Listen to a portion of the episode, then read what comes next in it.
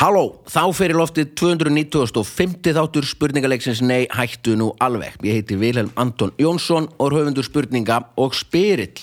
Fyrirleðar í dag eru þau Vignir Valþórsson og Anna Svafa Knútsdóttir. Gestir eru Dr. Erla Björnsdóttir og professor Dr. Eiríkur Bergmann. Verið öll velkomin. Holy shit Ég ætla bara að fyrir. þegja þennan dag sko. Við erum með BFA Já, og næstu býja ég. Það er ekki, það er næstu því er ekki Það er, það er bara svo að 90 sé einingar. henni næstu með stúdinspróf Samt 90 einingar. Já, svipa á ég með held ég. Bókmyndafræði Já, alveg alveg.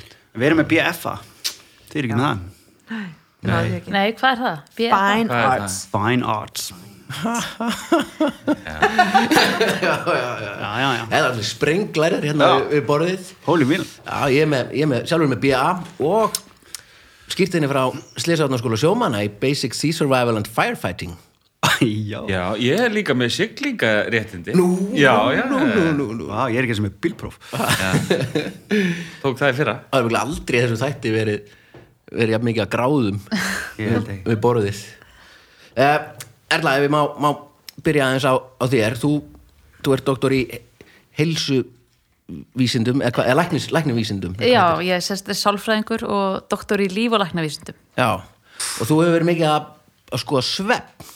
Já, ég er mikið að pæla í svefni og rannsaka svefn og hjálpa fólki að bæta svefnin sinn og svo er er gott að sofa líka. Já, Ó, gekkja. Það hefur sagt þetta oft Mjög oft. ég á fjögur börn, fjóra stráka sem eru vel virkir þannig að hérna, ég þarf á kvildin að halda. Þetta er náttúrulega mjög sniðið, maður getur sagt, nei, ég þarf bara að sinna rannsóknum núna. Nákvæmlega, það er alveg bara grína mér á ekki heimilinu. trubla mig, Sko. ég, þeir, þetta eru alvarlega rannsóknir. Mamma er að vinna Ég er að æfa mig að sofa. Og hvað, það, það er ekkert mörg ár síðan að við fórum bara að fatta að svepp skiptir já, talsverðu máli Nei, í rauninni ekki sko og lengi var það bara svona hetjumerki að sofa lítið, Já, eitthvað sem við tengd, tengdum dugnaði og annað að hérna, komast upp með lítinn svefn og maður þarf ekki annað en að horfa bara á skólakerfið. Þú veist, við förum strax í heimilisfræði og íþróttir en við lærum ekkert um svefn. Og ég er bara að vinna við það ennþá að fara inn í fyrirtæki og láta fólk vita að það sé ekki góð hugmynd að drekka kaffa á kvöldin og að maður eiginlega ekki fá sér skjátækin og svona basic hluti sem við ættum við þetta bara að læra strax í fyrsta bekk. Já. og sk- skjátækin eru líka það er uh, hvern- hvernig, við, við höfum bara hist áður í þætti sem ég gerði um svepp einu sinni. Já, er það? já, já, já, ég man eftir því en allt í lagi, höldum áfram. Þá tölum við sko, man ekki hvort að þú hefur sagt þá að það er alveg lægi kannski að horfa á eitthvað á kvöldin en ekki taka þátt í einhverju. Eða var það bara einhver óskryggja í mér? Ég- höfum við kannski aldrei heist Ég að við höfum aldrei heist og ég hef aldrei sagt ég þetta þetta en hérna, getur vel verið að ég sagt sko að sjónvarpi væri skárra heldur en að vera að svara tölvupóstum eða í einhverju svona engagement á samfélagsmiðlum að því að auðvitað bæði ljósið frá tækjunum sem að tröflar okkur en líka áreitið, þannig að ef við erum á fullu á Snapchat að tala við fólk eða inn í vinnunni eða eitthvað þá erum við auðvitað líka að örfa heilan sem við viljum kannski ekki vera að gera sent á kvöldin. Og svo erum við ekkert sérstaklega góð að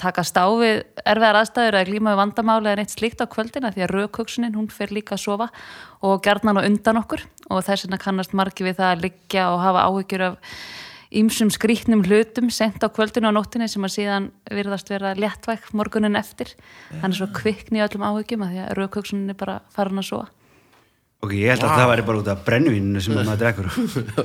Þess vegna væri maður svona stressaður á kvöldin. Ég, veit, ég hlust alltaf á svona á svona podcast sko á kvöldin. Já, á dönsku eða eitthvað svona sem er, og helst eitthvað leiðilegt sko. Það er mjög gott, ég mæli með því að hlusta á eitthvað leðilegt á kvöldin. Og hérna, það er til podcast sem heitir Sleep With Me sem að er svona leðilegu maður að lesa leðilega sögur.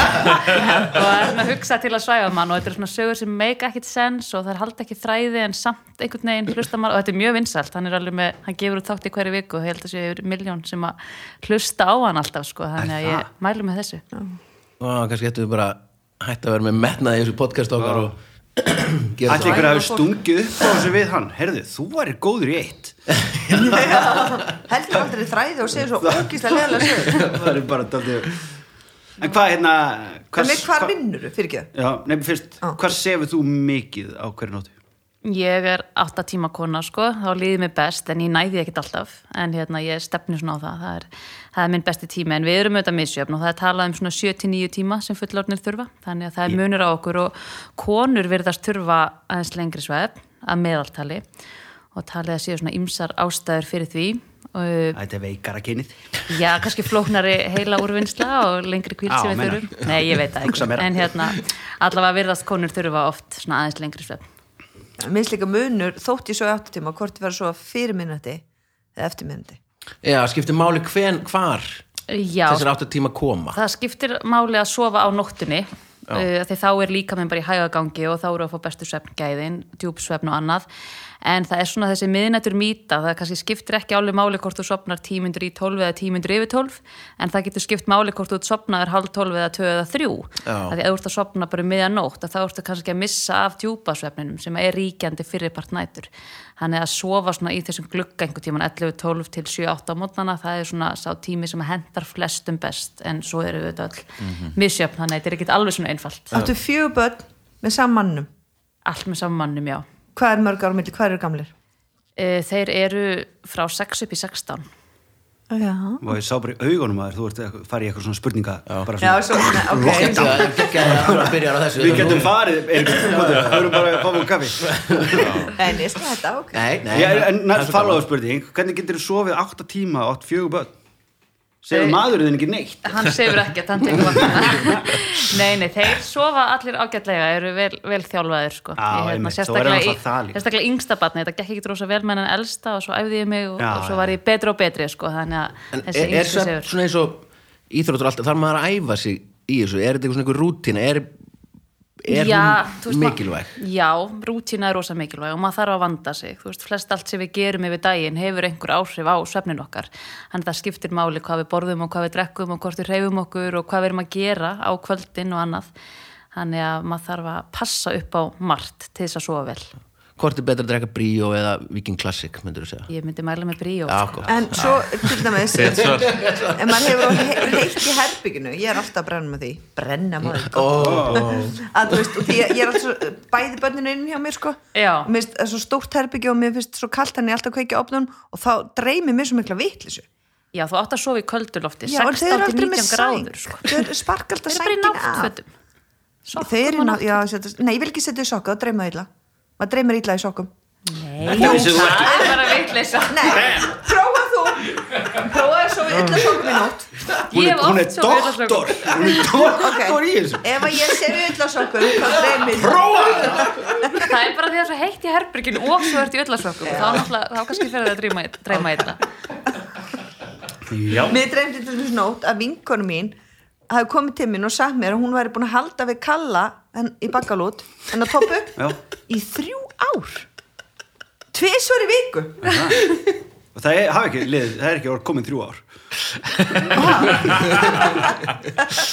Nei, mér er alltaf að dreyma eitthvað svona rugg já, Shit, þetta er mjög Ég var næstu, ég vaknaði svo reyði, ég ætla að ringi toppu hérna, ég er nefnilega að heyrða um daginn bara að þetta er svo á- bara, það er svo gaman að hitta eitthvað sem að maður veit ekki þú veist, við veitum allt um Erik það kemur að þeir Nei, það var hérna, þú veist eh, þegar, þegar við vorum ung og kannski ennþá, sem er bara, þú veist þetta með úlinga, alltaf sofandi og bara, þú veist svo bara sína allar ansóknir það, víst að úlingar þurfa bara eins og unga börn að því það er svo mikið að gerast í hustum og þú veist, og eitthvað. Það er svona skólinn að byrja bara tíu. Ég veit það, en líka, þú veist, svo líka bara, þú veist, það er svona eins og fólk sé að fatta ára 2020, þú veist, við höfum þurft að sofa síðan við bara byrjum að labba, þú veist, sem mannkinn, skilur það hlýtur að vera eitthvað ástæð fyrir því. Að við þurfum að sofa, þú veist, þetta er ekki það- þetta er litið á þetta sem eitthvað svona eins og þetta sé þetta er náttúrulega það að maður þurfa alltaf að vera að Guð og Darvin bara klúðruðu þessu, þú veist. Þetta vera lungu búið. Já, bara búið að filtera þennan við- í já. það er líka sko. alltaf svo erfitt að vekja þá og þau eru svo löt og allt þetta en þau eru bara með öðruvísi líkamsklukku en fullornir Já. og þeim hendar betur að fara setna að sofa heldur en fullornum og vakna setna og það er bara hormónaframleiðslega þeirra og fleira sem að En fer af hverju setna það í ekki gang unni með það í skólakerfinu? Það eru bara er alltaf verið að reyna að hérna, koma þessum skilabóðum áleiðis og þetta er gert við erlendis að hefur verið gert og gerða rannsóknir á því og það sýnir sig að ólingar þeir sofa lengur, þeim líður betur þeir mæta betur í skólan Það er ekki eins og allt hjálpa þetta. þeim að stað. Maður getur bara sjálfur fyrir að vinna kló nýju. Já, algjörlega og það er líka þannig sko ef úlingar byrja setna í skólanum að þessar áhyggjur sem kom alltaf upp er, ef þau byrja setna þá fara þau bara ennþá setna að sofa en það virðist ekki vera það sem gerist þau eru bara að fara á sama tíma að sofa en er að lengja svefnin og úlingar eru gríðarlega vannsvefta, íslenskir úlingar er að sofa 6 tíma uh, að meðaltali sem að, þau eru lengur í snjalltækjum á daginn heldur en þau sofa sem eru auðvitað mjög sláandi. Og hérna, þau þurfa að sofa svona 8-10 tíma og heilin á þeim er að þroskast svo mikið á þessum aldri. Og þetta er að gerast að stóri leiti á meðan þau sofa í djúpasvefninum þannig að þau geta verið bara með í raun og veru þetta haft varanlega áhrif á þroskaðara í framtíðinni Heyrðu, heyrðu, heyrðu. Má ég sem foreldri Mhm. segja bara nei, bara mæti bara knallu í skólan, eða tíu. Örgulega ekki sko Nei, hvað, hvað verður gert? Hvað verður gert? Það er náttúrulega. skólaskylda skólaskylda landinu. þannig að hérna en það eru einhverju Svipt skólar sem eru farin að senka hérna á Íslandi Nei, ég líka myndi, sko ég, bara, ég myndi prófa það. Nei, þú veist... Ég meina af að við gerum það við dóttir mína á leikskólanum, þú veist, það er svona, kemur stundum svolítið, þú veist, við komum stundum svona upp rétt fyrir háttegið, þú veist, það. Það var ekki fyrir því að hún er að missa af úkslega miklu Já. á leikskólanum. En maður sér þetta sko núna í þessu COVID ástandi þar sem að hérna, sko skólanir hjá okkur eða strákunum mínum voru ekki að byrja fyrir um tíu á mótnana og þú veist við vorum að mæta klan tíu. Og þetta var svo miklu eðlur takt. Morgunum bara róleri og allir einhvern veginn útkvildari og eðlari heldur en þegar maður er bara á garginu að koma Við- öllum út klukkan Við halv verðum åtta að sko. mæta nýju leikskóla núna með börnin af því að, þú veist, það er einhvers sem tekur mótið um kljóð nýju Já. Ég Ég tek ekki þátt í. Ég bara, nei, ég get það ekki Ég bara svo, svo laumaði minni eld og svo byrð einhvern um að fara með börnin upp og eitthvað, þetta er megavesen Þið gerir ykkur grein fyrir því að þú veist, fólki í þessu þjóðfélagi þarf ég vilt að mæti vinnun á mótnana, sko. Ég mæti vinnu, ég mæti vinnu allir borga klukkan tíu Málega sko, Sýtandi að það, já, ég skil ekki tíu. Ég vil okkur ekki. Allir ég er sko- tíu. ég mæti Ég- tíu já. ég reyna að vinna alltaf bara til svona fjögur, fimm á nóttunni. Þá er ég svolítið að vinna. Svo fer ég að sofa og vakna Ok, svo þetta hljómar mér. En er nú, nú, nú ert þú að, að kenna. Talandi um vinnu. talandi um vinnu. Talandi um vinnu. Fin- finnur þú, þú ert nú að kenna í háskóla þannig að það er nú kannski ekki þú ert nú ekki að vinna með úlingum Nei, þar Nei og kennslan hefur líka breyst svo mikið, hún er komið svo mikið á sko, fyrirlestrarir á netinu svona, þannig að þetta er ekki tímar sem að mætir þau stíja á mótnana sko. Nei. heldur er þetta meira komið í svona lótur sko. Þannig að þú ert ekkert að vinna fyrir nættur hátegi. Ég vinna aðeins við rannsóknir, kennslan er svona, svona minni hluti af Já. minni vinnu í, í Hvað ertu að dag. rannsaka? Ég er aðalega að rannsaka þjóðetnisíkju, populisma, samstæðiskenningar senstu árin Er alveg. og uh, núna er ég eh, að hugsa um að fara að hugsa um líðræði. Lýðræði. Já, ég er að hugsa um að fara að hugsa um líðræði. Vá, það getur vikið komið sterkur inn Já, við hefum mjög mörg sammeila áhugamál sko. þetta er svona svolítið það sem ég er búin að tekla í Já. er- og skoða verkin hans Eiríks tölvöld fyrir það Verkinu og er, já, hann er. Metsölu rithöfundur, En sko- maður. Um allan heim. Já, fólkið hérna úti veit það ekkert. Nei, nei, núna veit það. Það Nei, um hvaða bækur? þetta eru svo flókna bækur því er ekkert fyrir Og fólk þið veist ekki hvað það heita. Ég hef ekki hugmyndu hvað það heita. Það Hvað heita alltaf svona flóknum nöfnum líka. Já, það kemur út bóki sumar sem heitir Neonationalism, þú getur kannski munað Ég það. geti munið það. Á ennsku Já, ég skrif, það er, er. Ertu svona vinsæl? er ykkur fatt að það búa sko 300.000 á Íslandi Nei. 7 miljardar hinum einn Ég er bara, einmitt, ég, þetta, veist, það, þetta er bara svona reiknistæmi, þú veist, Já. maður vilji vera mitt að fara með. Til átt að sjá sig Útlendingar, þeir eru fleiri en við Og hættulegri og hérna þannig að markaðurinn það er, eða, sko, það er, er kannski frekar að segja þetta svona, veist, þegar maður uh, er sem sagt, fræðibóka höfundur, þá er markaðurinn á íslensku bara svo rosalega takmarkaður. Þú veist, þetta er um, hann er miklu takmarkaðri heldur en fyrir veist, skáldsögur eða æfisögur eða eitthvað þýjulikt þannig að, að þegar þú ert komin með svona uh, takmarkaðan markkóp í svona litlu málsamfélagi eða þá gengur það í rauninni bara ekki upp þannig að uh, maður er svona hálfrakin í að, að skipta um tungumál. Þannig að bækurna mína koma núna bara út hjá Erlendu fórlagi sem heitir Palgrim Macmillan og, og það er bara verið betri taktur sko fyrir mig Ef þú skrifaði þetta á íslensku þú getur alveg látið Óla Harðar og Baldur þá hafa Já, einmitt, ég sitt hvort inntækið og þá er það Nei, svo er þetta náttúrulega triksi að láta nefndurna Það þarf að kaupa bók hérna uh, um, Svo Sveitn Einarsson skrifa leiklistasögur Sko. Veginn um hann. en það er fínast í háskólum ef að þú ert í tímum þar sem að hjá höfundi verkan það er fínast sko. Að þú sért ekki bara hjá einhverjum kennari sem er að kenna annara manna dót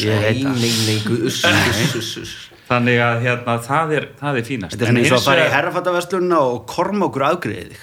Já, nákvæmlega. Það er flottast. Er Eða sköldur, það er jafn flott. Að Það var flóknara í heimsbyggina því að Plató var dauður þegar ég var að lesa hann þannig að maður hefði kannski getað verið hjá honum. Nei, en, já, en þetta er ég er eiginlega uppteknastur núna af deilu sem sé Platons og, og Aristotelesar um líðræði Já, ég held að við höfum bara að fara aftur þangað. Já, að, Hvað var þeir rífast um? Svona að þú getur sagt- sett á mannamáli? Sko, Plató, hann var mikill anstæðingur hins aðþenska líðræðis hann fannst þetta tómvillis að bara skrilsræði að það væri bara eitthvað, eitthvað líður hérna og að það væri nú bara borgararnir sem voru lítill svona hluti eh, sem sagt íbúana sem að höfðu þennan rétt en hann taldi þess að þetta tóma dellu og að þess að tilraunir Sólóns konungs með líðræði að þær hefðu farið út um, út um þúfur og talaði fyrir uh, eiginlega svona mentuð einveldi upplýstu uh, innræði einhverju, einhverju slíku kerfi. rétt svar stöngin eins Rétt svar. Síðan kom sko Aristoteles setna til sögunar þannig þeir voru svo sem ekki beinu samtali þannig lagað en hann var miklu hallar undir líðræðið án þess að hann vildi alfarið sko hafna uh, hugsunahætti Platons. Kannski meiri, atkvæðan meiri vægi og svo minni á liðræði þannig ég held að við ættum að fara aftur. Ég meina, því að við, við, og, okkur bara eitthvað staðar af leið. Þetta er ekki að virka. Þetta er ekki að virka. Ég meina Trump, Já, bara, þú veist, þetta bara er ekki að virka. Nei. Hver sagði að þetta væri mál? fólk sem kaust Trump þau eru bara að drekka sprit. Já. Sem Það, er- það rætti ágætis Darvin að hugmynd. kikka inn daldið Já.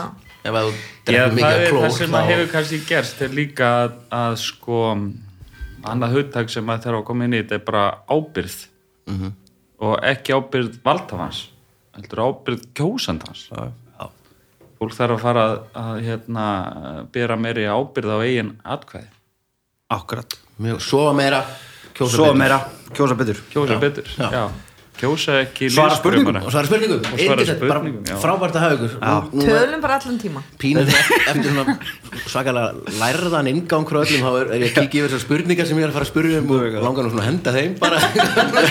Algjört fróðurugl en indislegt, indislegt að hafa ykkur uh, kostendur þáttarins sem hann bara þakka kærlega fyrir og gera okkur kleifta að gera þetta eru öryggismiðstöðin sem hefur verið með okkur frá upphafi alveg meiri háttar Er þið meiri með öryggiskerfi heima í okkur? Já, Seg, já, frá Bíddu, öryggismiðstöðunum yes. hérna, á maður að svara er Þetta fengið rétt svar. Ólafur Ragnar sagði eins og þegar hann kom í leiklisskólan til okkar með eitthvað svona heimsókn og þá var hérna ekki að taka móti einhverjum eitthulega baronum og hérna og hann spurði eitthvað svona kall spurði hann bara hver ég verða að fá að spyrja? Hver sér um öryggiskerði hérna hjá þér bara security, maður tekur ekki eftir neinn og hann bara, já það er það er ekki neitt. Hann bara, ah, já, ég skil, ég skil þú mátt ekki tala um það, ég skil þig. Bara hliðið, það er ekki, það er ekki girðingar það er þetta er gegn, hver sér um þetta hann bara, það er engin, ah, got it. Váka, ég man ekkert eftir að hann hafa komið heimsúttalega Nei, þú er skrópa. indislegt, já og, og krambúðin líka kostandi frábær. Krambúðin er meira áttu búð Opnar snemma, lokar seint. Svo svo fyndið að loki seint. Ég held með krambúðina í skólaust ég veit ekki hvort maður með gera upp milli Jú, hlýðar er best. Þú held með hlýðunum. Ég fór í krambúðinu hlýðunum daginn, hún var geggjuð. Já, hún var geggjöð Hún er það, en ég er samt Vel uppstilt, sko. Ég er krambúð skólaust sko. alveg, absolutt En samt alla krambúður bara meira áttur og hært að hoppa þar inn og fá allt sem þarf. Og svo glænir kostandi uh, Íslandsbanki. Ha? Já, besti bankin Hvað er þeir að auðlýsa? Íslandsbanki, bara, bara UK 17 kort og fílofax og eitthvað, allir Ég er actually með UK 17 reikning. Nei. Jú, á heimabankanum mínu stendur bara UK 17 Jú. geggjað Ég er enda ekki fengið fílóhaks lengi. Sko ég fór, ég er búin að, ég er í viðskiptum hjá Íslandsbanka og á basically eina ástæðin fyrir því er af því að þegar ég var ungur á Akureyri og áfram útubú 656 ég held með útubúum, greinilega, ég gerir greiðlega upp á milli 524 Nei, 526 057 og hérna, Hamraborg. eina ástæðin fyrir að ég þú veist að koma ykkur í skólan bara, ég held ég að vera í gagganum eða eitthvað hlýtur nú að vera. Gaggan ja, gaggfræðaskóla Já, Akureyrar eða eitthvað Íslands eða eitthvað hétt. Já, kom bara eitthvað hérna, hefur komið í viðskipti á Íslandsbanka að fáið leður fílofax, geggja fílofax og UK 17 kort. Eh, Happy camper. Ég er þar ennþá. Já, ég líka. Ég, Þannig. Og ég var eins einu sinni, því ég var, var búin að segja ykkur sögu kannski, þegar ég var að vinna á auðlýsingastofunum og fekk ávísunaheftið Það var geggjað, ég var að vinna á auðlýsingastofu Reynda búin að segja ná, ég segja ná fyrir fyrir, vorum að vinna fyrir Íslandsbanka og ég sá einhverju skjölum að það er þetta að fá ávísunarti og hérna og ég er bara svona að byrja hvað, það er þetta að hugsa fyrir hús og það er ekkert langt síðan, skilur upp, bara sex ára eða eitthvað, eða hvernig sem ég var á auðlýsingastofunni og ég var bara, herru, ég að því ég náði aldrei ávísunarheftum í gamla dag ég, er bara það ungur, ég náði bara UK 17 debitkortinu, ekki ávísunarhefti og ég finn nýri í útibúið sem var nýri, nýri í hérna Lækjagutu, Íslandsbank útibúið segi bara, herru, góðan dag, viljum þetta ég. Ég þarf að fá ávísunarhefti og konan bara svona, ha? Já, ég, ég sé það hér í, í skjölum að það er hægt að fá ávísunarhefti ég var rétt á ávísunarhefti hér hjá okkur. Kom villi, sami villi og fór í tringana Já, já. Villi pirrandi. og sem fer í tollinn og allt svona. Og svo segir hann bara, já, ok, byrjum við og fyrir eitthvað félag, ég bara, nei, fyrir mig. Fyrir Vilhelm Anton Jónsson. Já, ok, byrjum við. Svo flettu hann eitthvað upp og sagði bara herru, yes, ég sé að þú ert hérna útibúið þitt fyrir norðan. Þú er að tala við þau. Ah, Hún var svo og hann var, fein bara svona og svo sendur hún til norður. Svo ringir Dóra, sem var mamma að vinna mér sem var þjónustu fulltrú í, í bankanum fyrir norðan ringdi svo brífum eftir tóta bara villi minn Hættu þessu. hvað er að? Og ég bara, ha, við erum hérna þrjú er að finna út úr því hvernig einstaklingur getur fengið ávísunarhefti að þetta er til húsfélaga og það veit ekki, þú veist, bókaldslíkilin í kerf, þetta var bara meiri háttamál en að því Íslandsbók er svo frábær þá fekk ég svo símtal, nokkur náttúrulega setna herru ávísunarhefti, þetta er komið, þú getur sótt það niður í lækagötu og ég bara, yes, fór niður í lækagötu aftur saman þjónustfuldur af og hún bara, ja, herru, gjör það svo vel hérna er ávísunarheftið þitt. Og eitthvað, hvita hér og dekka, dekka, dekk svo sagði ég, já, flott, takk. Uh, nú þarfst þú að kenna mér að skrifa ávísun því það hef ég aldrei gert. Og hún var bara, ha? Og greið bara svona, jú, jú, fór í gegnum það með mér. Svo, já, svo fór ég, fyrst ávísun beint upp á ölstofu, kipti mér bjór kostaði eitthvað, 500 kall eða 600 kall eða eitthvað. Og ég bara, já, má ég skrifa þúsund fram yfir? Það ég var nýbúin að læra það. Og þau bara, ha, já ok, svo skrifaði ég þúsund fram yfir. Tvístrikaði ávísunum aftan að þá verður að fara með hann í banka. Það var bara ávísun upp á 1500 kall og ég fekk þúsund í cash og bjór og það fer enginn með 1500 krónu Nennir ávísun í bankan masterplan. Með það með Þess vegna fór Ölstón á hausin Þannig að Íslandsbóki er einn af kostum þáttum frábært. Ég veit ekki og ertu ég svo með bara, veist, ávísun í póstinum út um allt, alveg bara Ég, sko, ég á, ég á heftið ennþá, ég oft hugsaði um þetta sko, svo stundu kannski skrifa maður ávísun ef maður skulda vika þrjúðu skall eða eitthvað. Herru, þannig að maður ekki skrifa ávísun og kannski teikna maður einhverja mynd en samt ekki fyrir neðanstrykið sem má ekki skrifa fyrir hérna í sérröndina, bannað. Og þá hugsa fólk svona, æ, en ekki fyndnar að eiga eitthvað krass eftir vilja en fara með 2000 krona ávísun sko, Já, ég veit ekki, kannski, kannski var ég ekki að gera Íslandsbanka að neitt greiða með þessari sögu. Ég veit ekki Þú varst ekki að gera mér neitt ein- Ja, en allavega, þetta eru kostendur og þeir hvað nettir að gera allt þetta viss það. Já, mér finnst bara lífið skemmtilegra. Um að Ég er bara að fíla Íslandsbanka því að þau eru fljótur að svara á netspjallinu. Já, reyndar, geggjað. Já, höldum áfram. Höldum áfram, frábær fyrirtæki. Höldum Ok. áfram, byrjum. Byrjum, já, vá, hvernig 23 mínútur, flott, þá hlupum við gegnum þetta. Uh, Liðnur er þannig að Anna og Eiríkur eru saman og Erla og Vignir. Fyrsta spurning er í dagskránum Já er það? Og það eru Eiríkur og Anna sem fá hana. Hún er svona Lífið er merkilegt og magnað og alls konar til. Sumt er gott eins og rista brauð og sulta, annað síðra eins og kallt baðherbyggiskólf. En hvaða vara var kölluð miklu djús þegar hún var í þróun? A. Uhu föndurlímið. B. Pensilín. C Guinness öl eða D RC Cola? Sko, sko þetta er bara þú veist, er þú að þýða mikludjús myndi þetta, ég minn auðhulím ef það er danst myndi þetta vera moldjús Já, eða, þú það- veist, það það má ég fá upp alveg orðið Já, mold juice Nei, já, mold juice bara. Ekkert, ekkert með Var það, var uppræðanlega orðið á dönsk Nei, nei, en, en sko ég gef ekkert með, hér miklu juice er bara að fá að vita tungumálið sem að þetta var þýtt úr. Segjum Nei, af því nei, að það eiginlega ákvarðar svarið. Já, já, við verðum bara að gíska hann þetta er vill miklu ekki. juice á íslensku. Ok, mikludjús, ég myndi s- ekki segja uhu föndurlím ég myndi útiloka það strax. Það gæti verið Guinness. Já, eða ersíkóla nei, ekki ersíkóla, fjandinn hafa það. Ég held að þetta hljóta að vera Guinness. Guinness. Já. vegna þess að hann er náttúrulega fermenteraður mm eða sjálfsög, sem að miklan vísar þá vantarlega til.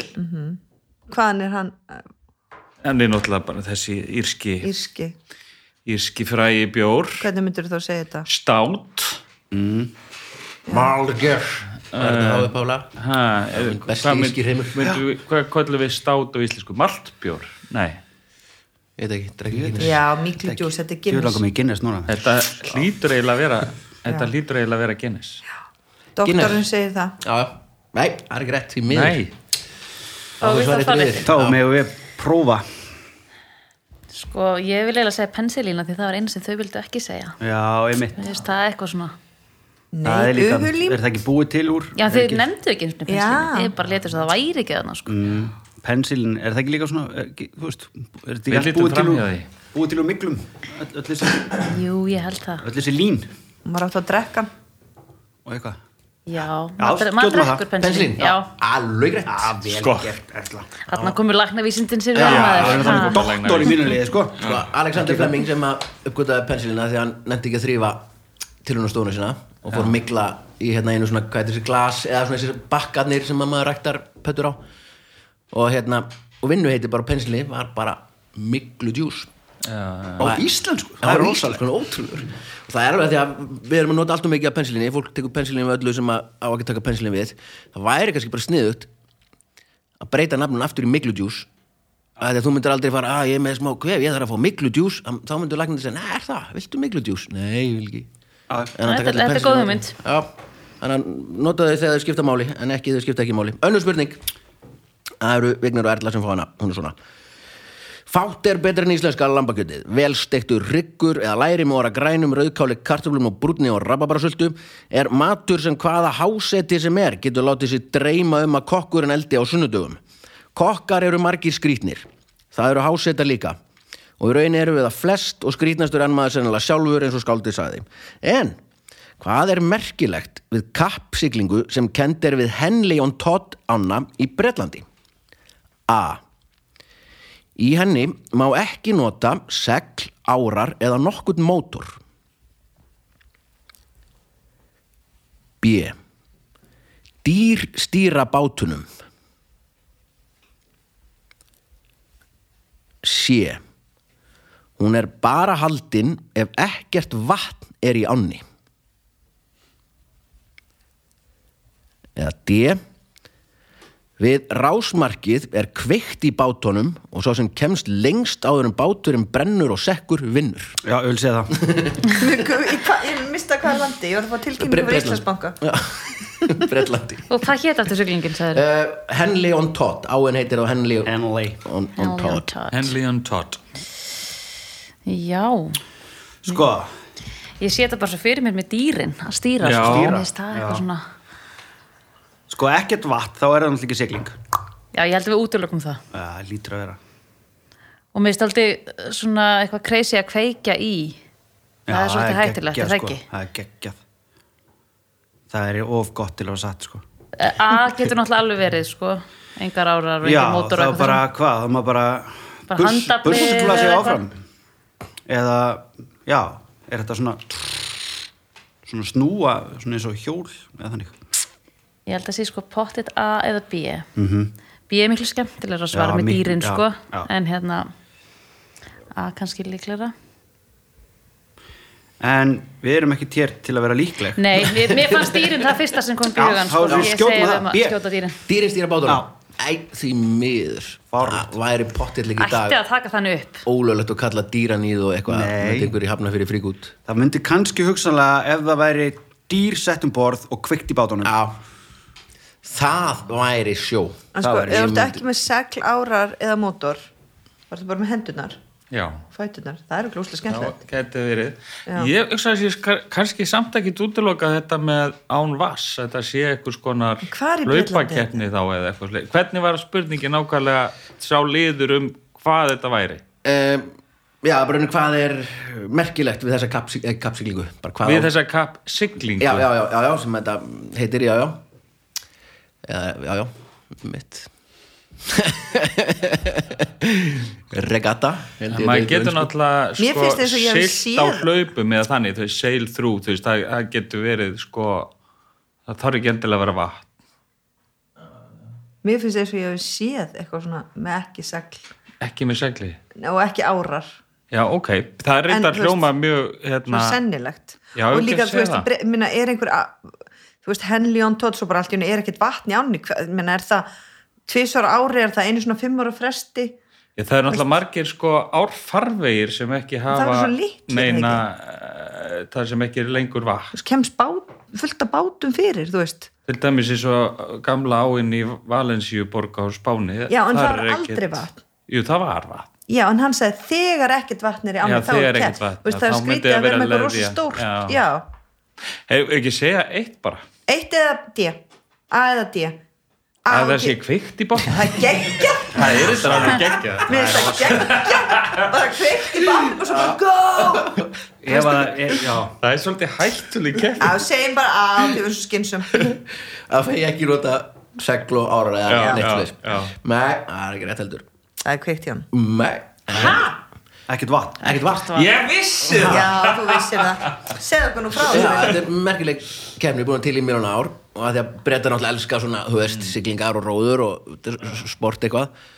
Og áinn bara stundum eða bara þurrkuð upp Já, eða, stípl, eða eitthvað skiluru Stundum er bara ekkert það vatn er bara ekki vatn í henni Já, og já. þá kemur, þá er þetta svona eins og í Flintstones bara basically eins og Eriku var að lýsa. Þau eru í einhverjum bátum sem er ekki botni Já, og halda þeim svo ertu með átta manns kannski að reyna að hlaupa. Þetta er Hlaupa klúður, þetta er ekki, ekki einfalt. En þetta er eina og þau frestinni henni hefur verið frestað af því að það var vatn í áni það kom bara tilkynning því mínu verður ekkert á kappsiglunni þetta árið Út af því af því að það er vatn í áni Já, já, ok. Eiríkur, þú vannst, þú veist það bara í hjartaðinu fjörsti uh, þriðja spurning. Uh, það eru þá Anna og Eiríkur sem fá hana. Hún er svona. Tungumálið er magnað og við notum það til að gera okkur skiljanleg það er lifandi og því stöðugur í þróun. Tölur eru líka magnaðar og einfalda okkur margt til dæmis starfræðikennslu en hvað þýðir hundrað? A 120 Ha? B Hestur að drekka. C Maður á kvolfi eða D 5 ok, þetta er besta spurning sem hefur komið ever.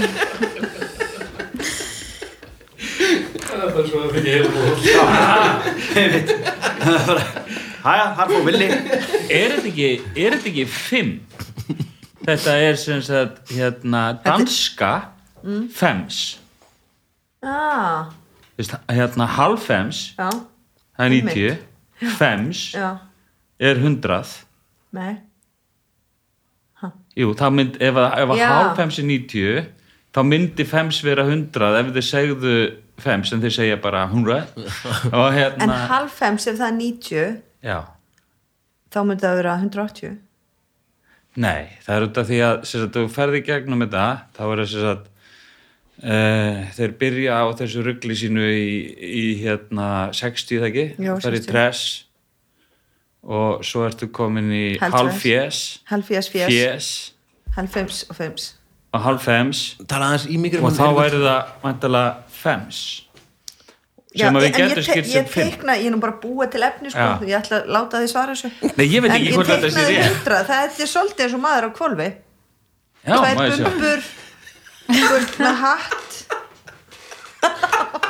það er aldrei Þetta er gott náttúrulega gott efni sem þetta búa til fyrir útastáttin eða þá þetta sé bara Þetta er ráðandi þess. Sé bara hestur. Menn voru að halda með veist hesta í öllu sko. Þetta er fimm auðvitað, professor hún sagði það. Fens. Þetta er Fans, alltaf þetta stæðar danska. og 100 því í rauninni 5 Já. já, nei, því mér Ég- En mér finnst það samt rétt. Hann er raun og komið stygg hjá mér. Fyrsta skipti sem þetta asnalega danska kerfi meikar eitthvað smásens nákvæmlega, það var það ekki rétt. Það var ekki rétt sko. Heyrðu, já, ok. Þá er þetta maður á kólu Það- hestur að drekka. Þú veist, af hverju endilega að drekka? Mér finnst það eitthvað skrítið. Hund Hundra Hundur að Akkur drekka. sér ekki hundur að dek- drekka? Akkur erum við einhvern veginn vissum það að hundra sé komið úr dönsku? Ég var að meina hund eins og hundur á íslensku, hundraf. Hann raðar í sér vatni Já, en það er bara er hestur. Já, það er hestur, já. En Hestar. 120, er eitthvað svona logík á baku að þetta geti þýtt 120 það þetta Ég veit kannski bara glemdu við sem 20 eða eitthvað. Datt út eða maður og Ertu ekki, er er aldrei gott En hund, er þetta komið bara líka úr hundred Þú veist, úr úr enskunni eða já, þetta, er, já, þetta Já, þetta tengist bara öllu bara alltaf, já, sama, þetta er sama orðið já. 100 Já, fuck maður ég veit ekki. 120, er það, er það ég veit ekki sko. boring ég, svar sko? Já, það er svolítið boring. Hestur að drekka. Það er mista eitthvað skrítið. Það er bara horse to, her, her, hundred horse drinking. Getur verið stytting á því kannski? Já. 100, horse drinking. Ah, Ég veit ekki. Nei, ég veit það ekki.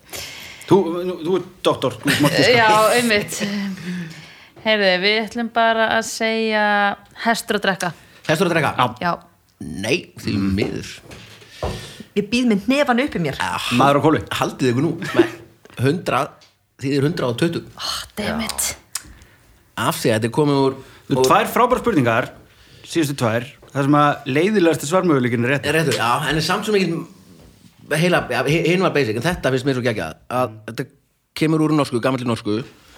Og kemur úr tiltarkerfinu, þau notum 12 já, já, já. og 100 þýðir bara einu veist, þýðir 10 sinnum 12 og þetta var Já. til í íslensku lengi og heitir stórt 100 mm. þannig að ef þið eru að gera eitthvað sem er 120 þá er getið þið sagt bara, hvað kostar þetta? Stórt 100 Það kostar ekkert 120 í dag. Nei, reyndar ekki. Nei, ekki svona svona, einu svona klukkutími í stæði Nei, Kannski sleikjó. Það þurfti að vera 1000 1020 Nei, 120.000 Já Já, já menn þá segir bara stórt 100.000 Stórt 100.000 Ha. já, Þannig að þetta- 100 þýðir 120 Þannig að við höfum notað þessu tölu vitlaust bara mjög lengi og það er svona er allt í vils Veistu Og hvað, samt að leiðilegasta sem hefur, hefur gerst? Bara uh, kirkjan og kristintrúin og gert margt aldrei leiðilegt. En það leiðilegasta sem þið gerðu var að eigðalega vikudagana. Já, að þeir hétu svona cool nöfnum þú veist, það tórsdagur og Já. tísdagur og eitthvað svona Óðinsdagur. eins og- er mánudagur reyndar var mánudagur Já. og svo bara eitthvað þriðju, hvað er að hafa þriðja dag Já. hann heitir ó, þ- þriðjudagur og svo er það miðvikudagur en viltu losna við en viltu losna við goðafræðina Ég veit sko? það. Krita var krist, þetta er hérna kristni og væðingin tórsdag Mánusunni lauga flott nöfn, sko. Já, það, það var þurfti ekki, það þurfti ekki að breyta þeim og Nei, þau já. vísuðu ekki til Það goða er alveg rétt sko. sem mánudag, þriðdag, miðgudag en anskotin hafi að hafi ekki eitthvað annað heldur en þriðjudagur Var yfir þriðja með að vera dag æstur? Já, alveg stafað Þetta Þetta er bara sól út í COVID að vera búið og þú bara alveg brjá nú þurfum við bara að fá ég er alveg, ég Agnesi er alveg til að sammálaðir laga þetta. Hvaða dagur væri það núna? þriði dagur, Þriðjudagur, uh, það væri, þú tísdagur tísdagur, óðinsdagur, þórsdagur og freysdagur Já, Já, en, en getur við ekki tekið þetta úr, þú veist, þetta er góðafræðin og líka trúabröð, mætti ekki bara fara með þetta yfir í náttúruna, bara, þú veist, Jú. fuglana eins og Jónas Lóudagur, einmitt. Herðubreiðar Ég myndi dagur. bara segja ykkur að ég myndi rugglast ég er ennþá áttum að hægra vinstri Ok. og ég myndi alltaf þurfa að vera bara lóudagur mér finnst mjög þægilt að muna bara miðugudagur það er miðinni Já, en finnst þér, finnst þér Ok, við skulum það ekki breyta þessu Annars að myndir ok. en, en Norðurlandaríkin hinn þau nefnilega Þau þau kóuðu ekki eins með þessu svo við sko. Já, heldu þessu, áfram Já, rétt. og ensku, ensku líka, þeir eru allan með Thursday Já, sem er jú, jú, jú, jú. sama Mhm. og, jú, jú. og Friday er meina, líka langar að vita hver, sko. gerði þetta hvaða en við getum náttúrulega bara tekið þetta upp líka bara, nei, þetta er nú alveg dagatalið. Já, bara okkar á milli. Ég held að sé mjög snið að taka þetta upp út af því að þegar einhver svona máli eru til umræðu þá veit maður að það er allt í góðu í þjóðfélaginu. Þetta er stærsta, stærsta atvinnuleysi sögunar þegar við, þegar við ímustum sko að ég spreyta klukkunni eða eitthvað það er eitthvað stóri hagsmunamál ok, fyrir ekki hugsaðlega versta ég dæmi þetta að taka eitthvað eitthvað annað sko. Ok, áfengi búðir eða eitthvað. Þarna, það er mjög mikilvægt líka þetta hinum með við borðið. Sko. það er bara ekki dag það hefur með mikilvægi málun að gera Ég veist að það þýðir að það er ekki eitthvað annað sem að já. vandamál sem að yfirtekur það er- Samt við að ræða það okkur á dúna Vín í búðir og það er fucking heimsfaraldur og besta atvinnuleysi. Það er ekkert að gerast. Keflaði ekki bara deyja sko hverjum þrem átöluður og fólkum 50 og 60 sem er, er, er leiðilegur aldur og svona fá ekki vinnu og annars ekki að vinna og fá aldur. Þetta verður sko tröllaugin er ekki endilega hér en sko á heimsvísu verður þetta svakaleg. Já, Samstæðan skiptir máli og muna hvað við erum að standa vörðum með þessu. Það er jákvæðni og ást og gleði ekki græðgi og að, um- fúlikallar að fara að hugsa um líðræði Einmitt. Ég myndi hugsa um það. Já. Fjóraða spurning, hún er svona. Það eru Erla og Vignir sem fá hana. Staðan er þetta 1-0 við erum alveg Það er miklu meira, þetta er bara góð þáttur, það er allir konum með fulltastegum Já, Ég er samt ekki búin að fá neitt stig sko. samt einstinni I kissed a girl and I liked it. Fjóraða spurning, hún er svona Sam van Aken eða Aken. Sam van Aken. Sam á, er magnaður listamæður hann er þekktur fyrir magnað verk. Hvert er það? Það er ekkert hver þetta er. A, nei, nei, það veit ekki hver þetta er. Já, sumir veit ekki hver þetta er. A Hann sauð saman 40 rammaskítara og spilar á þá alla í einu. B. Hann málaði 40 sjálfsmyndir sem eru 40 sinum 40 metrar að stærð. C.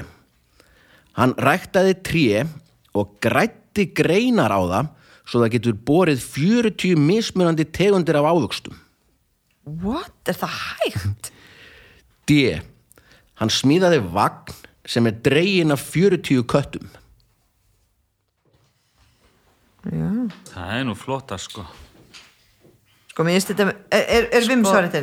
Nei, Nei, nei. fyrir ekki, ok Er það við? Já Þau eru með sko sjóða saman 40 gítar og spila þar, það, þú veist, nú spila ég nokkið gítar en er það ekki bara ómögulegt? uh, nei, Það er nú list. ómögulegt Já, getur þú alltaf bara lamið á það og eitthvað svona Já, Getur þú getur verið líka með stóran fýðlustreng Já, Já, reyndar, ok. Þið eru búa Ok, einu tónlistamæður við, eða fyrir ekki. Ekki eini. Eini alveg tónlistamæður við borðið horfða á mig skringil Baldur, þú ert að vera Baldur sko. Já. Ég held þess að sjálfsmyndir sé úr sögunni það málar enginn 40 Þið ert 40 sinnum afsökunar að fara 40 verra. metra sjálfsmyndir það er rosa 40 sem 40, já, það er einmitt. bara, veist, það er mjög egocentrist að gera það. Já, það er líka það bara er ekki 40 svoleiðis? 40 sem 40 það er náttúrulega bara 40 stykki. Nei, það er bara 40 sinni 40 það er bara stærn Metrar. austuvöllur sko. Já, já, það er bara ruggla það, er- það er ekki. Sam Van Eycken um, sko rækta tré með 40 mjög, það er mjög hæpið að það sé það, hægt. hvaða verk er það? Er það ekki bara meira eitthvað svona, veist, sem er bara eitthvað fólk í landbúnaðar Já, skólanum hvað er list? Þú veist. Nú vantar finnarnar. Nei, nei, ég skal ákveða það bara segir það bara hvað er list. Nei, en hvernig er það líka hægt? Hvernig getur þú ígrætt Já, blá, Hvernig var þetta? þetta er tré og svo ígræður Græði, aðra greinar sem eru með önnur þú veist bláber hægt. eða kissuber eða jarðab- eitthvað Ah. festur við þannig að sama tríð gerir 40 mismund ávisti ég held að það sé ekki hægt það Þá myndum við bara gera það. Já, já þetta væri það allir bara svona tríð út í Var það garðinu ræktað eða útbúið? Nei, þetta er þá sagt þessu er hann með trí og græðir greinar svona gerir svona, þú veist, sker fláart greinar og bindu við það er Já, að þetta er bara þetta er þetta er það. já, svo ok. deyr það bara til klukk þá er það náttúrulega hægt. Nei, nei, en ég sagði þessu er þetta ber ávexti bara, bara lifandi tré. Já, er þetta gett aðeim það var þetta bara bull. Og þetta kattadæmi, við erum búin að klikka alveg sessilega á þessum dýrasvörum, ég held að við ættum ekki að, ekki að fara í Nei. það sko, þetta er eitthvað svona dýranýð. 40 kettir að draga hann í vagni Það er bara- það er ekki það var enginn sem sagði að draga hann í vagni. Já, bara draga vagn. Eitthvað verður hún að Þú draga gerir ekki neitt með 40 köttum. Já, það er Þú veist, þú gerir ekki neitt með einum kæti sko. 40 saman, það virkar ekki. Nei, nei. Ég er eiginlega komin aftur á A sko, Já, þannig 40 einmitt, það er líka svolítið vilja gítar eitthvað, þú veist. Já, já, við skjótum á það segjum Svo það. saman 40 ramaskítar á spilar á alliðinu. Nei, því miður. Sko, ég hef vilja grunaðan um að vera dálítið svag fyrir þessari hugmyndum sjálfsmyndinar hann hafi verið að velta því fyrir sér sjálf Hann er að googla þetta. Það er búið að þessu. Típist sem að fær góða hugmynd maður Alltaf helvitið af samvan ækkan er það ekki annað hvort það Ja, er þetta tríi þarna sem að er búið að prjóna eitthvað við? Mér langar að segja kettina. Mér finnst það það geggja lista ekki ekki Vítu, hvernig var það, hvernig var þetta Það svarað var að smíðaði vagn sem að er það dregin af 40 köttum. Þá væri hann í einhvers konar vagni, royal vagni kannski 40 kettir spendir fyrir svona eins og hestar og draga hann um borgina þá Það er Það er ekki smá átök maður. En það er líka ógeðslega að gera það. Fyrir Já, hvernig það- þetta er bara dýranýtt þeir fara bara slást líka Það sér er kettir saman þeir það geta er er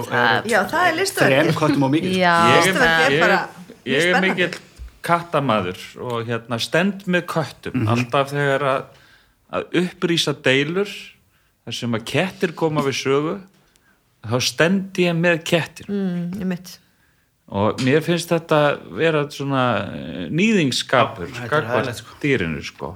þannig að ef að þetta svari rétt þá fíla ég ekki þennan gaur sko. ok, þá ef að segja þetta trí eða, eða myndirnar já, hvort heldur þau? myndirnar bara Sjálfsmyndina? bara- já, við erum að horfa fram hann í vila hérna við vitum alveg að þetta er rétt sko. 40 sjálf, sjálf og sagan er þá að ég hef ætlað að gera þetta sjálfur. Já, svo tjekk réttaðurinn í keipti með slatt á striga ætli sé eins og búin að þessu. Ó, helvitið hann sam er búin að þessu. Þegar þú varst búin að gera 39 Ég er búin að gera og það er anstæð og þú ert að tengja saman landin eitthvað svona pælingar hjá þér. Allstæðar sem maður kemur og sér maður villa. Og svona maður horfir ofan frá og gegnum eitthvað svona, Og- er það rétt? Nei, þetta er það ekki. Því miður. Þetta er kettir sko. Þetta er tríð Þetta er eftir tréð. Það er eina sem meika sens og það þetta er að hekja frækt, frækt verk heitir eitthvað the, Tree of Forty Fruits og er lifandi sko. Og það er bara, þetta er geggja verk hann er með stofnin og Já, græðir, þetta heitir eitthvað að fínt í gróðurhúsamáli þau skerð svona og bindur saman einmitt. þú veist, mismunandi greinar svo vaksa bara hérna epli og perur og kirsuber og við hefum náttúrulega fatt þetta þegar þú varst með lýsingarnar. Þú varst með svo spesifist hvernig þetta var hann, gert hann sko. hefur oft logið Já, svona mér fannst því nú lýsa þessum kattavagni alveg. Þannig að það var bara spennandi strax sko. gull, brittar svona Já. einhvern kong, konga Já. kattavagn einhver. Herru, þetta var ekki ekki uh, þá förum við í dagskrárliðin Babelfiskurinn og hérna er ég búin að taka erlendan popteksta setja gegnum Google Translate lesa hann á íslensku og þið að segja mér hvaða, hvaða laga þetta er. Áðurum fyrir það langar mig að þakka kostundu þáttarins kærlega fyrir þetta öryggismiðstöðin alls konar sniðut snjallöryggi og bara búið að vera fyrirtæki sem búið að vera með okkur frá bara fyrsta þætti sem er indislegt og bara stort knús á alla hjá öryggismiðstöðinni. Krambúðin, bjarga manni miljón sinnum þegar maður þarf að hoppa inn, kaupa eitthvað geggjuð, meira þetta það frábært vantar starfsfólk. eitt pot af mjölk vantar túrtappa Já, akkurat það sem ég er alltaf að kaupa. Og Íslandsbanki sem er besti bankin lang besti bankin Já. já, líka já, já, rauður? já. rauður, já, já öryggismiðstöðin og Íslandsbanki eru bæði rauð. Krambúðin er græn. er eru flottustu vá, litirnir. flottustu litinir og hann lifir við stöndi ykkur bara síruparti Breiðabrikslogoð Já, vá, hver hefði getað giskað á þetta? Er ekki En frábær fyrirtæki og bara takk. Aðeins og kikið endilegin á heimasíðuna þeirra og, og skoðu alls konar tilbúð og eða ykkur spurningur um fjármál ekki spyrja okkur spyrja í Íslandsbanka. Ætti með svona maður getur panta á netinu núna? Það Þú getur vist hringt ángað og hann bara skýst með það til þín bara, þú veist, að þið eru svo næs. Já, Já. ef það er ekki mikið að gera. Já það er líka alltaf einn á vakt. Loka, loka í smástund Já. skrappi 5 skrappi fimm. Skrapp til önnu. Ég þól ekki þegar stendur skrappi 5 og það er ekki skrifa hvenar það var. það er náttúrulega eina, eina Það er viti. ástæðan fyrir því sko. Ég veit að ég þól það ekki. Og ég er svona, eða kannski var skrappi vers- 10 mínútur og ég svona á ég að býða kemur ég gerði þetta þegar, þegar ég var verslunar eigandi á lögavinum alveg rétt. Þá samt með eigandi mínum Vilhelm Anton. Ný. Hm? Já, þá gerði ég þetta, skrappi fimm. Já. Svo fóru við í tvo tíma á Ölstofuna Stóna bara það er veit og það. beið þá fólkið alltaf bara En það eru ekki fimm símanúmerið mínútur undir? Nei, Eitthvað vildu að tröfla okkur á stofunni setti það geta sett eitthvað. Það var ekkert pointi með þessu. Uh, nú ok, það er ekki þurft að kaupa þessar teikningar á okkur hérna. Jú, jú, þú varst nú einn okkar besti viðskiptavinnur Þurftir þess náttúrulega ekki. Herra, já. Ok, og það eru Babelfiskurinn. Já, Babelfiskurinn, það eru Anna og Eiríkur sem fá hana. Og textin er svona og ég ætla að fá klára að lesa hann áður en þið byrja að giska svo. Hlustendur heima geti Ok. notið þess að keppa. Fáðu mótorhjólið þitt. Farðu út á þjóðvegin Leitað að ævintýrum. Og hvað sem á okkar veg kemur. Já, elskan, farðu að láta það gerast. Taktu heiminn í ástarfaðma Skjóttu allar byssur þínar í einu og springa út í geim. Mér líkar vel við reik og eldingar, þungarokk þrumur, hleyp með vindinum. Og tilfinningin sem ég er undir, já, darling, farðu það. Taktu heiminn í ástarfaðma. Skjóttu allar byssurnar þínar í einu og springa út í geiminn. Eins og barn sannrar náttúru. Við erum fætt, fætt til að vera vilt. Við getum alltaf klifrað svona hátt. Ég vil aldrei deyja. get the motor running Get out on the highway Anna syngdi þetta fyrir okkur maður heyra. okay. get the motor running get on on the highway looking for adventure oh the feeling that I'm under oh no I'm gonna make it happen okay. Hvað heitir lagi? heitir ekki bara ekki að blæða vilja Get the motor running? Nei, ég veit ekki hvað heitir Thunder eða eitthvað Ég er búin að gleyma líka hvað hljómsveitin er. Er það í viðlæðinu? ok, get the motor running Fætt til að vera vilt. Born to be wild. Born to be wild. Geggjað, geggjað. Að Born to be wild, laugrætt við ykkur. Glæsilegt. hei, ég var um daginn að kera í bílnum og þá- kom lagið hérna æ, mann ekki, þetta var lélega höldum áfram. Ok ég byrjaði að tala á henni Nú erum við rosa spenntir að vita hvað er óska þess að við myndum samt bara oft frekar gera þetta. Heldur en að, þú veist eins og til dæmis áhersin hefti sagan að hún hefði bara bara átti að svona. Þetta er eins og þegar ég fekk mér áhersin hefti æ nei, höldum áfram. Nei, ok, það skipti ekki maður hvað lag var. Ég var alltaf að keira og svo langt síðan, og þegar maður alltaf með krakka og svona ég var bara að keira ein miðan dag og hækka í botni Já. þessi tilfinning og maður og svo stoppar rauðljós og maður bara fuck it, horfðu bara á vilt að ég er bara í góðu fílingina en maður verður að passa sig að vera ekki með útvarpið á, það er svo allarslegt Já, það getur að fundi, það er líka sem er skemmtilegu leikur já, að að finna já. hvað er viðkomandi að hlusta á Já. Já. maður Það er er í að muna að reyna að gera það ekki, þóli það ekki þau fatta hvað er syngja. Meðveitum allir í bílum það minni er og alltaf allir að gera það sko. Ég held að uh, útlýtingar gerir þetta meira eða svona innflytjendur og svona heldur en það Ísland var lagið hérna Mr. Jones and me Já. tell each other fairy tales and a Counting Crows. women looking at me and I'm da, da, da, da, I wanna be Bob Dylan da, da, da. ok, sé hvað gott lag og langt já. sér hýrt að og það var bara góða fjóra Þetta er Já. Ó, Eh, ég fór nei Viki og Erla. Það er líklega átt að líka þessu podcasti sem fór gegnum Google Translate og yfir á íslensku og Google og svona. Hefur tíma til að hlusta á mig væla? Um ekkert og allt í einu. Ég er einn af þeim. Dramatíst fíbl Taugakerfi í beininu. Engin vafi á því. Stundum gef ég mér læðurnar. Stundum spilar hugur minn brellur á mér Allt heldur þetta upp. Ég held að ég sé að klikka. Er ég bara ofsóknaræði? eða er ég bara grýttur? Ég fór í skrepp til að greina drauma mína. Hún segir að skortur á kynlífi sé að koma mér niður. Ég fór í hóra. Hann sagði að líf mitt væri leið. Svo hætta að væla yfir því að það er að koma henni niður. Stundum gef ég mér læðurnar. Stundum spilar hugur minn brellur á mér. Allt heldur þetta upp. Ég held að ég sé að klikka. Er ég bara ofsóknaræði? Ok, vá, ég veit ekkert hvaða lag þetta er Nei, ég tengi svo, eða þú veist, eitthvað, my mind Am I paranoid eitthvað? tricks on me. Kannski sometimes my mind plays tricks on me Já, Já, já, já. hvað er, á eitthvað, Þið eru að svara. Ég veit það, Ég- er erum að svara með, líka. Ég veit bara- Paranoid, Þetta eru ennsku, rétt, og paranoid, Paranoid, losing my mind, eitthvað. Já, mér skemmt En sko, mér langar að vita Hérna- hvernig orðið væl er þýtt. Þá kannski kemur þetta. Uh, Hvað kom það í þessu? Þannig að kom tvisar uh, Stop whining eða Já, hann fer, já, sagði, hann fer til, fer til sálfræðings. Já, hann segir hætta sem segir honum að að fyrir stundum meira kynlíð að fyrir til hóru sem segir honum að hætta að væla Já, en ég fór orðið Stop væl. whining það er á, Og hvað var ekki eitthvað með læður líka? Hvað Já var það? uh, Sko, það er á ennsku creeps Ha? Já, þetta er Google Google í þarna toppstandi. kemur aftur kattamæðurinn upp, ha? Já, Hvernig byrjar lagið? Hver er uppáðast? hefur þú tíma til að hlusta á mig væla? Já, ok. Have you got the time to listen to me whine? Þú með þetta Baldur? Jú, syngdu. Hvernig, Þetta er mikið, mikið uppáhaldslag hjá mér 200 snakkbyttar af mér þetta er eitt af örfáum. Er þetta ekki Green Day?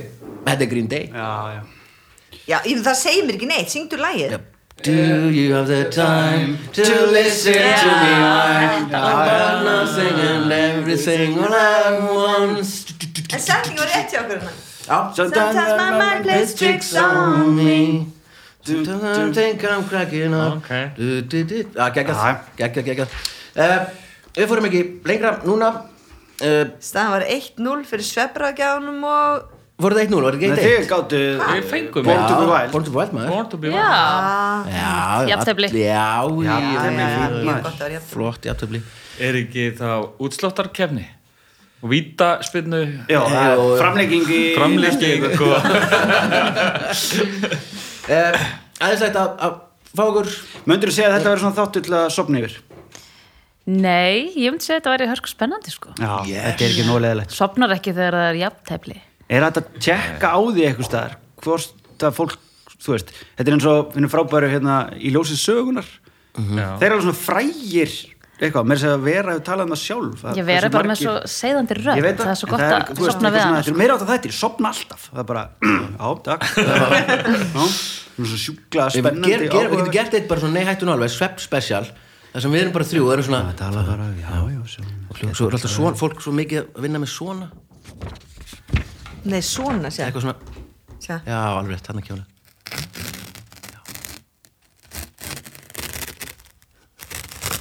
Er ekki fullt af fólki bara miljónamæringar út í heimi eða svona, einmitt, eitthvað svona, gera eitthvað svona hljóð er það ekki bara- Jú, svona white noise Já. og öldur og það Það er er sérstaklega gott svona með nöglunum hann Já, það er eitthvað svona Tippi borð líka Já. svona. Svo horfir á þetta á YouTube já, Já. við förum hérna, það verður einn nú alveg Dóttir mín er svo special. 6 tíma á dagi svo, búa það held að en við komumst ekki lengra, takk fyrir uh, Eiríkur og Erla. Takk fyrir, viltu segja eitthvað frá, það er bara svo komið að, þú, þú ert með einhverja svakalegan svepp fyrirlestur, Já, er já. uppselt á hann kannski? Nei, ekki alveg, við erum með þess að er áhugaverður. ráðstefni í hörpu í oktober, við erum að fá Matthew Walker sem að skrifa bókina Why We Sleep. Hann var er að í alveg algjör rockstjarna Ég í var þessu að gefa sýsti minni svo bók í ammælskjöf af því að ég einmitt svo stóð bara við starfsfólkið, mælum með. Já, hún er geggjuð, ég mæli með allir lesa hún var að koma á íslensku þess vegna sofum við, heitir hún. Og hérna, mjög mögnuð. Og hann er bara hann er geggjaður, hann er algjör rockstjarna þó að hafa verið að djóka með við Rockstjarnar í svefnheimum hann hann er það, það Ok. er hægt sko. og Ah, hérna, mæli með að fólk tjekka á þessu. Já, allir, allir tjekka yes. Uh, takk bara kærlega fyrir að vera með okkur hætturum, takk kostendur, öryggismiðstöðin, krambúðin og Íslandsbanki, meiri háttar fyrirtæki, lang bestu þrjú fyrirtæki á Íslandi, myndi ég segja. Uh, en fyrst og fremst, takk fyrir að taka úr klukkutíma að hlusta, við